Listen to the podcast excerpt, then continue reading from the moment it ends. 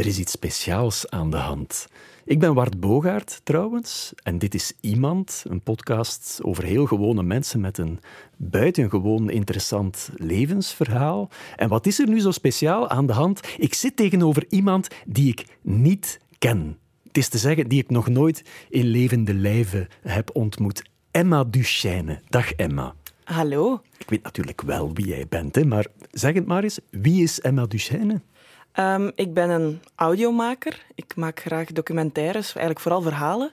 En ik heb um, een documentaire of een verhaal gemaakt voor jullie, zal ik maar zeggen. Samen met twee heel goede vriendinnen van mij, Cato de Lange en Lotte Nijsten. Ja. We kennen elkaar via de mail. Hè? Er is veel over en weer gemaild. En dat had alles te maken met Gilbert, die ik ook niet ken, maar die jij wel heel goed kent. Ondertussen wel. Um, ja, Gilbert, wij hadden die ontdekt, zeg maar. Uh-huh. En we dachten, dat is zo'n zot verhaal.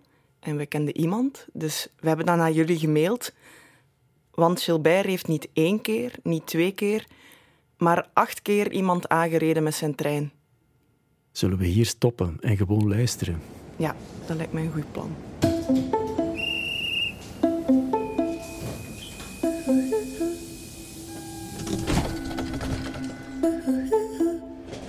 Naam? Gilbert Arby. Bijnaam? De doodrijder. Leeftijd? Ik ben 66 jaar oud. Uiterlijk? Ik ben een meter 86 groot. Nog altijd op een redelijk gewicht van 80 kilogram. 82 kilogram. Grijze haren. Sportief. Altijd sportief geweest. Levensmotto? Rustroest. Als kind wou ik... Piloot worden met de grote vliegtuigen, maar ja, het leger, die jets, dat sprak mij wel aan. Dat noemde dan straaljagers. Maar ik ben? Treinbestuurder geworden. Pensioen? In uh, eh, 2002. Toen was ik 46 jaar oud.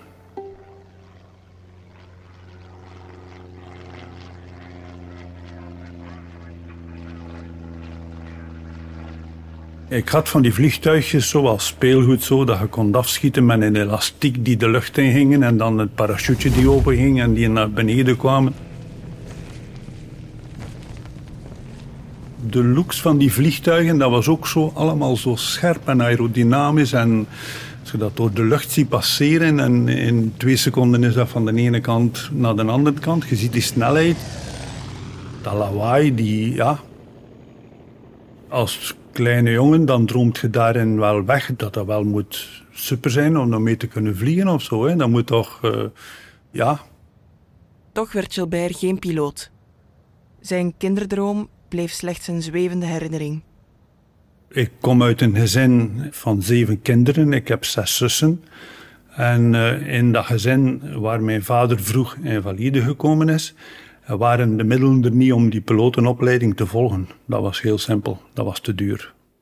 Er werd mij onmiddellijk duidelijk gemaakt dat dat niet haalbaar was, dat dat niet betaalbaar was. Ik was altijd aan het prutsen aan iets. Toen ik 15 of 16 was, dan zat ik al aan knutselen, dan miek ik mijn eigen elektrische gitaar. want die elektronica, die boeide mij ook. En dan ben ik gewoon de technische school gevolgd. Mijn schoonbroer, die aan de spoorweg werkte, die zei van kijk, bij de spoorweg hebben ze nu wel juist op dit moment treinbestuurders nodig. En met uw technische bagage zou dat wel ideaal zijn voor u.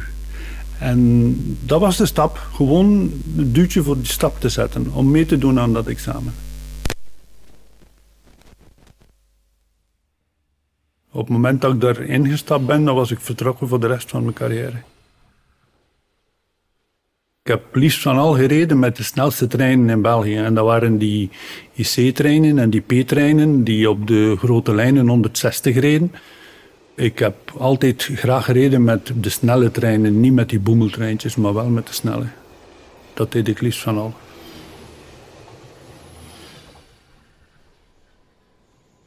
Je zit op een ijzeren gegeel die een massa is en gewicht, die in beweging is en dat je daar dan de baas van zijt, dat je dat onder controle hebt. En als je met zo'n vaart door het landschap. Dat zijn soms rechte lijnen. Als je daar doorschuurt, dan heeft dat wel een bepaald gevoel van macht en van kracht. Als een kapitein op een schip. Het zijn de late jaren 70. Gilbert is een jonge twintiger wanneer hij zijn diploma als treinbestuurder haalt. Hij ruilt zijn jongensjeans in voor een echt machinistenkostuum uit de Marvan. En dan is het plaatje compleet.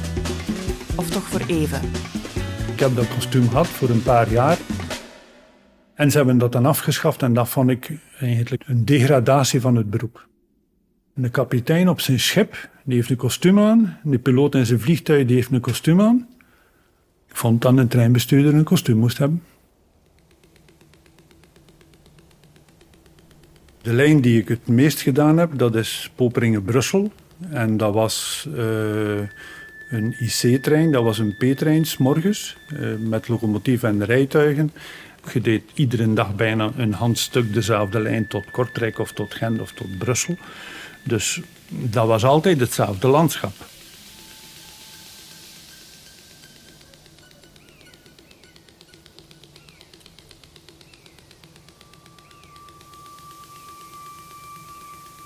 Landschap die zich ontrolt voor u.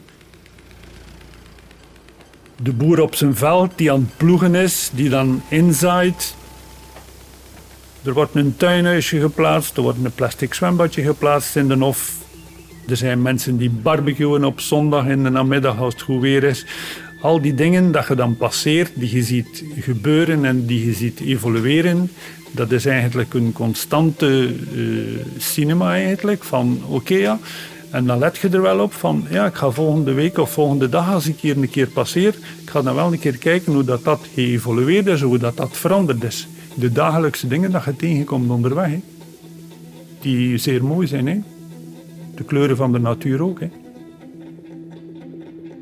Tijdens zijn eerste treinritten ontdekt Gilbert de schoonheid in de kleine dagdagelijkse dingen. Maar al gauw verschijnt er een eerste schaduw op de sporen. Ik moest naar Raken West. Ik denk dat het om tien uur was of iets in die naart. En de lichting van een trein is niet zo goed. Er zijn daar twee lichten aan, maar je ziet daarmee niet goed. Je moet eigenlijk niet goed zien, want je moet op je instrumenten voortgaan. In principe, een trein zonder licht zou ook goed zijn. Wat je wel ziet, dat zijn die twee blinkende sporen. Dat licht op die blinkende sporen, dat gaat redelijk ver. Dus en ik zie een onderbreking op die lijntjes, op die sporen, zie ik iets. Maar dat was in een buurt van Asselt en daar lagen geregelmatig zo een vuilniszak op het spoor of iets die rondslingerde. Dan, tja, het zag eruit als een vuilzak en het geeft ook geen grote impact dat het wat toek en weg. Ik heb geen remming gegeven, ik ben er niet voor gestopt, want ik dacht dat het een vuilzak was. Je kunt moeilijk een noodremming geven met een treinstelling voor een plastic zak of voor een stuk karton of voor een, een n'importe quoi.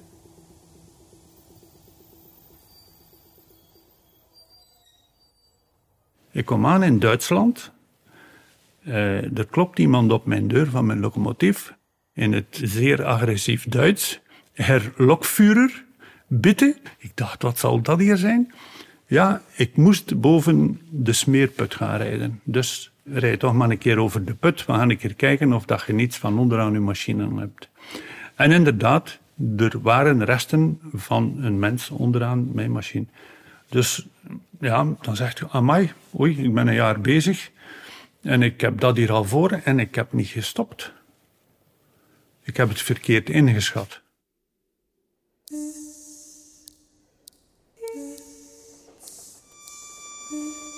Hyper Kortrijk, Harelbeke, Wichelen, Belzele, Laken, Zottegem, Herentals, Houthalen. Als je van voor zit, is je perspectief veel breder. Je ziet ook heel ver.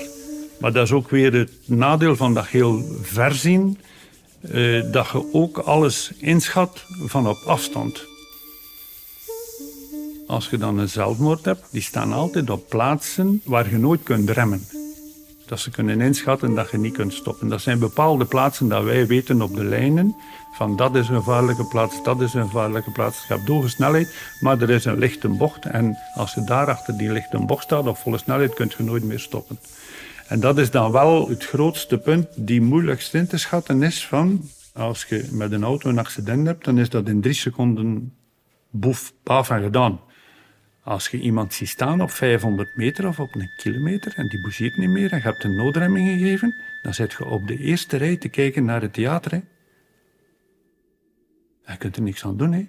want die remming is ingezet, een noodremming, je kunt niet meer harder remmen. En je gaat van 120 naar 110, naar 100, naar 90, naar 80. Maar dat duurt, hè. Totdat je bank en dat kan 12 seconden zijn, dat kan 15 seconden zijn, dat kan 20 seconden zijn. Ja, je moet ergens ook het contact blijven houden van, ja, maar ja, gaat hij eronder of gaat hij opzij? Want het, als ze opzij gaan, is het laatste moment. Hè? Maar het is dan naar theater kijken die het moeilijk is. Hè? Hij zit op eerste rij en kijkt ernaar.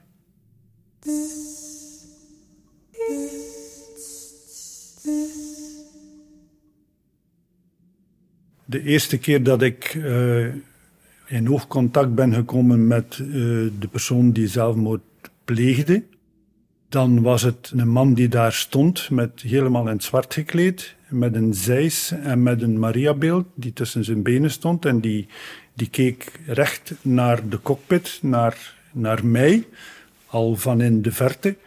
En die bleef staan en die, die, die bougeerde niet die zelfs als ik veel geluid miek en met de trompet en zo en lawaai en alles, en die is blijven staan tot de laatste seconde met een zekere smile op zijn aangezicht. Uh, waarom? Geen idee. Waarom die zeis, waarom dat Maria-beeld? Absoluut geen idee. Eh, ik heb er nog over nagedacht later van, is dat naar een secte toe, of is dat naar een religie toe, of naar een duivels ritueel, of ik weet niet wat. Maar uh, ja, ik heb dat kunnen plaatsen. Al, ik heb dat altijd kunnen plaatsen. Ik heb er eigenlijk nooit geen. Uh, ja, de eerste nacht, ik zeg niet dat je perfect slaapt. Hè. Die film gaat wel nog een keer door je hoofd. En ik zie nog films passeren is soms van. Als je nu die man met die zeis vraagt, ik zie hem nog altijd staan. Hè. Dat is iets, hè. je kunt dat niet van je netvlies krijgen. Hè. Die staat er en die glimlacht en die kijkt naar u, die kijkt recht in uw ogen. Hè. En dat gaat niet weg. Hè kunt dat niet bannen, hè. je kunt dat niet wegkrijgen. Hè. Maar heb ik daar last mee? Hè. Maar je ziet het wel. Voor mij is het ook altijd geweest van uh, een zelfmoord, die persoon kiest daarvoor. En ben ik daar uh, een dader of een. Ja, hoe moet ik dat omschrijven? Uh, nee, ik ben een tool. Ik ben een gereedschap hè, op dat moment voor die mens om dat te doen. Meer voel ik mij niet.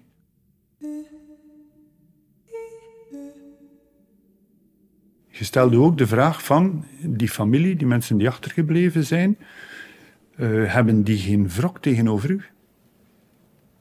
Hebt je wel uw best genoeg gedaan om dat te voorkomen? Hebt je er alles aan gedaan om, omdat het niet ging lukken? Soms stelt je wel die vraag dat je zegt van, gaan die mensen mij slecht aankijken als ze weten wie dat, dat is. ze kennen misschien uw naam, gaan ze dat verkeerd opnemen, dat jij de zogezegd een dader zijt. Ik heb dat toch altijd in mijn achterhoofd gehouden. Dat er mensen zijn die dat niet kunnen aanvaarden, dat, dat, ja, dat die persoon dat zelf gezocht heeft. Ja. Um, ik vind um, zo uit het leven stappen dat dat een zeer gruwelijk, gruwelijk verhaal is. Ik denk dat de mensen daar een heel vertekend beeld van hebben van trein eronder gedaan, nee, trein uh, vermorzeld en gedaan. Ja, zeer, zeer uh, luguber. Het is niet zoals in de films, hè. oftewel vliegt gaan stukken, oftewel zijt je vermorzeld. Hè ja, het gaat natuurlijk snel, hè. Maar ik heb nummer, denk nummer zes Uh, nummer 6, ja. Uh, die was zijn beide benen af. En die was niet onmiddellijk dood. Ik heb die horen kermen tot, tot, tot op mijn machine van voor. Hè. Gelukkig, het ziekenhuis was op 300 meter. Ik zie nog altijd die ambulanciers komen. Ze leggen die man op die, en er is er iemand die die twee benen meepakt. Die was geraakt aan zijn hoofd ook. Die heeft nog ergens een tijd geleefd. Hè. Dat is echt van... Ja...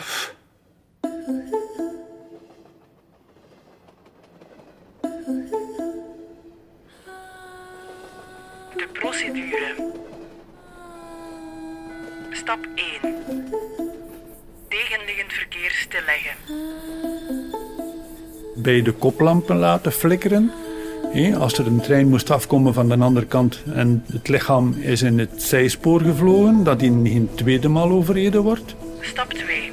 Dispatching verwittigen. Dispatching verwittigt dan de Rijkswacht. Stap 3. De conducteur. En dan moet je zien met uw conducteur op de trein dat de mensen ingelicht worden, dat je die inlicht en dat er dan gezorgd wordt, oftewel eventueel voor bussen, want je weet dat dat twee uur gaat duren daar, dat dat niet onmiddellijk opgelost is. Stap 4. Ondervraging parket. Dan vragen ze natuurlijk nog een keer van, ja maar ja, was die persoon alleen? Waren daar mensen in de buurt? Heb je verdachte handelingen gezien? Dus die Handse context is wel ja, eigenaardig om, om, om mee te maken ook.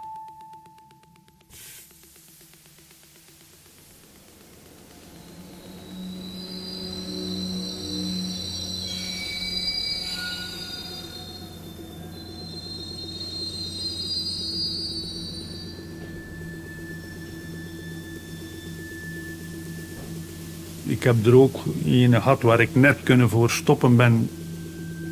Ik ga het een keer situeren. Als je Brussel binnenrijdt, van de kant van het Koninklijk Paleis via Laken, daar is daar een bocht, maar je moet daar vertragen naar 60 per uur. En dat was op een, ik denk dat het een zondagmorgen was zelf. Die stond voor zijn eigen eigenlijk op een slechte plaats. En ehm, ik kom die bocht in en er staat er daar een voorovergebogen op het spoor. En ik geef onmiddellijk een noodremming. En ik dacht, ik ga hem, ik ga hem, ik ga niet kunnen stoppen. Maar het zal net niet zijn of het zal net wel zijn. Ik had natuurlijk al wat met de trompet wat lawaai gemaakt, maar die pousseerde niet. Die stond daar half verdoofd of ik weet niet wat. En ik kan net wel stoppen.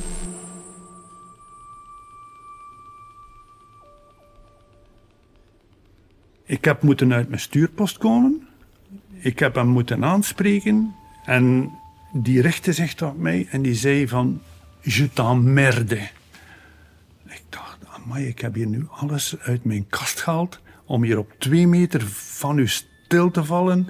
met kraken en piepende remmen en alles dicht... en met een uitslag van ik weet niet wat. En ja... Maar dat zijn zo van die gevallen dat je dan zegt van, ja, oftewel heeft hij een slechte plaats gekozen en is het niet gelukt en gaat het goed met hem. Oftewel is zijn leven er slechter aan toe omdat het niet gelukt is. Gilbert keek de dood acht keer in de ogen. Het was bijna alsof hij altijd op de verkeerde plek was. Daarom kreeg hij de twijfelachtige titel van recordhouder. En er zijn bestuurders die in 30 jaar nooit iets meegemaakt hebben. Hè? Dat je zegt, alleen nooit. En als je dan vraagt aan die mensen als ze op pensioen gaan, dan zegt nooit, hè, nooit, niks, nee, niks, nul, nada, niks.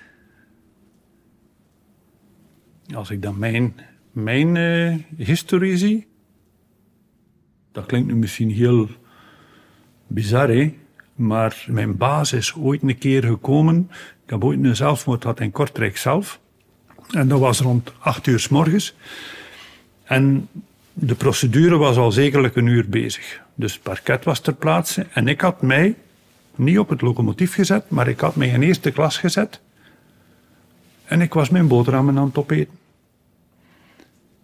En die komt binnen en die zegt, Gilbert, Zei hij nu boterhammen aan het opeten? Ik zeg, ja, maar ja. Ja, maar zegt hij, en hij had er juist. Ja, maar ja, ik zeg, kijk, ik wel honger, hè? Ja. En die verstond dat niet, die dacht dat ik daar ging zitten shaken en... en, ja, ik, ja, ik zeg, ik, ik kan mijn boterhammen opeten op mijn gemak. Dat je dat als, zal niet zeggen normaal begint te... Wel ja, je vindt dat wel eigenaardig dat, je daarin, dat er daar een wenningsproces aan vasthangt. Het, het hoort erbij. Het hoort er eigenlijk niet bij. Hè? Maar het begint wel zo over te komen na een tijd. De ongevallen nemen meer en meer plaats in het hoofd van Gilbert. Hij wordt alerter. Bij elke verdachte beweging in de struiken houdt hij zijn adem in, klaar om op de noodrem te drukken. Het achtste verhaal is eigenlijk een beetje het eigenaardigste van alle acht zelfmoorden, of pogingen tot zelfmoord. Um, het achtste verhaal is eigenlijk iets die een beetje aan de surrealistische kant is. Het gebeurt als volgt. Ik vertrek in een station. Ik neem een bepaalde snelheid. En als ik aan de snelheid kom van 87 per uur, dan komt er iemand van achter een haag, komt op het spoor en springt onder de trein. Ik hoor het geluid van het contact met de trein, dus ik weet dat er iemand onder zit. Ik geef een noodremming, ik sta een paar honderd meter verder stil. Ik verwittig de conducteur op de trein dat we een aanrijding hebben, dat het een zelfmoordpoging is, of een zelfmoord is. En ik geef hem opdracht om te gaan kijken, dus ik stel het verkeer veilig. En ik vraag aan de conducteur van te gaan kijken naar het slachtoffer. Na een aantal minuten komt de conducteur bij mij en die zegt: Gilbert, zegt hij, ik vind niemand niet. Ik zeg: Ga toch nog een keer kijken in de gracht of in het veld, als die misschien weggeslingerd is. Of kijk een keer onder de trein, dat hij niet ergens blijven hangen is onder de trein, want ik had geen volle snelheid. Oké, zegt hij, ja. Ik zeg, we moeten een uitleg hebben hier van, van, van dit gebeuren, hè, want... Uh, ik kom terug en hij zegt, ik vind niemand. Intussen had dispatching al gebeld naar mij en die zegt van, ja, en hoe zit het? Hè? En hoe is de toestand? Ik zeg, we vinden geen lijk, we vinden geen persoon. Ja, maar zegt dispatching, kan niet blijven duren. Nee, je zit hier in spitsuur, je staat al 15 minuten stil, er moet iets gebeuren. Nee, ik zeg, kijk, we gaan nog een keer onder de trein kijken en nog een keer zien ben ik zelf ook mee gaan kijken. We hebben niemand gevonden. Ik weet nog heel goed, het was 22 minuten later. En ik bel naar de dispatching en ik zeg van, we vinden niemand niet. Dan zei hij, oké, okay, uh, je moet verder rijden. Ik weet dat ik aankom in het volgende station, Sint-Niklaas. En ik zie daar alles met kupies en kleppen klaarstaan voor de ontvangst. De stationschef met nog iemand erbij. Die komen naar het locomotief. Ah, je hebt 22 minuten retard gemaakt en uh, het schijnt dat er niks gebeurd is, dat je ergens iets gevoeld hebt waarvan dat je niet zeker bent. Ik zeg, ik heb een mens zien onder de trein springen en ik heb het gehoord. Ja, maar dat kan niet. En je beeldt u dat in. En dat kan niet zijn dat je op dat moment 22 minuten retard gemaakt hebt op die lijn. Er zijn mensen die te laat op hun werk gekomen zijn. Er zijn mensen die aansluiting verloren hebben naar andere treinen of ik weet niet wat. Ja, dat 22 minuten vertraging is veel. Ja, maar kijk, je mocht van uw locomotief stappen, we gaan u vervangen en je moet onmiddellijk naar de geneeskundige dienst in Gent. Ik zei, oké, geen probleem. Ik ga naar de geneeskundige dienst in Gent. Ik zet me daar in de wachtzaal. En ik wacht daar mijn tijd op, overtuigd van... Ik heb niks te vrezen, hè. Ik zie die dokter aankomen. Die gaat zijn kabinet binnen. Die komt onmiddellijk naar buiten en die zegt... Meneer Orby. Ik zeg, hier. Kunt u komen, alstublieft? Zet u. En zegt hij, vertel een keer. Ik zeg, ja, er is iemand onder mijn trein gesprongen. Ja, maar zegt hij, dat kan niet? Er is geen slachtoffer, hè? Heb je dat niet ingebeeld, dat je dat meegemaakt hebt, dat het een dier of iets anders was? Of heb je dat wel goed ingeschat? Ik zeg, ik ben ervan overtuigd. Ik heb de kleur van de vest gezien. Het was een blauwe vest. Ik heb een geluid gehoord, een klop. Ik zeg, voor mij is er daar een mens onder. En de discussie gaat tussen ons twee van wel eens en niet eens. Totdat een telefoon gaat van de dokter. Hij neemt die telefoon op. Ik hoor hem en uh, ik zie aan zijn aangezicht een bepaalde bewegingen. En ja, oké, dank u wel. En die legt een oor neer. Wat is er gebeurd? Dus ik krijg bevestiging van de Rijkswacht dat er wel een slachtoffer is. Dat dat slachtoffer gevonden is in de buurtwinkel aan de Overweg. Die mevrouw die is gesprongen, maar onder de trein door. Ze is eigenlijk tegen de grond gesmakt geweest, is blijven liggen tussen de sporen in de lengte, zodanig plat. Ze was gekwetst op haar rug. En ze is achter de trein naar de overweg gestapt en ze is daar versuft, heb ik mij horen vertellen achteraf. Ik weet niet of dat exact de waarheid is. Ze is daar binnen geweest in een winkel en ze hebben ze daar opgevangen. En dat is dan het verhaal geweest van dat ik misschien niet meer in staat was door al mijn ongevallen van om correct mijn job uit te voeren. Hè. Die hadden ze mijn dossier al natuurlijk bekeken, die heeft er al zeven gehad en die gaat dat beginnen in zijn hoofd en die zal misschien denken van dat ik dingen zag die er niet waren. Hè. Die er wel waren. Ik had dan al een keer zes maanden aan de kant gezet geweest met bureaudienst. Tussen zeven en acht had ik ook al een hele periode van maanden weer lichte dienst gekregen, bureaudienst gekregen, om, om, ja, omdat ze dachten van we gaan hem tijd geven. En dan komt nummer acht. Ja. De jaarlijkse evaluatie staat voor de deur. Bij Gilbert neemt de onrust toe. Er hangt onzekerheid in de lucht. En ik wist ook natuurlijk wat er wel op mij af aan het komen was, van dat ze moesten een beslissing nemen na twee jaar van iets te doen met mij. Ze zagen mij ergens als een, ja, als iemand die misschien niet ging functioneren op een kritisch moment ja, je wordt misschien ondergewaardeerd of je wordt niet meer capabel geacht in hun ogen. Alhoewel dat ik wist dat ik mijn werk nog perfect kan uitvoeren. Ik heb ook tot de laatste minuut gezegd van ja, maar ik ben in staat om te rijden, ik wil blijven rijden. Ja, maar ja, dat zal niet meer gaan met uw staat van dienst. En als er ooit een keer iets gebeurt, dan gaan ze uw dossier tegen u gebruiken en allemaal. En wij kunnen ons daar niet... Wat er ook moest gebeurd zijn of wat er ook, zal me nooit tegenhouden hebben van uh, dat te starten of, nee, of dat niet te doen. Nee, absoluut niet. Het positieve is veel groter dan het negatieve. Ik heb voldoening gehad aan mijn carrière als treinbestuurder. En die negatieve dingen, ja, dat zijn negatieve dingen, oké, maar dat heeft nooit mij doen twijfelen aan ga ik ermee stoppen of ga ik eruit stappen of ga Nee, absoluut niet. Absoluut niet, nee.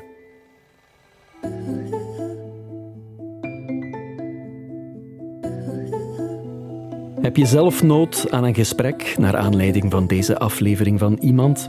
Dan kan je terecht bij Teleonthaal op het nummer 106 of op de zelfmoordlijn op het nummer 1813.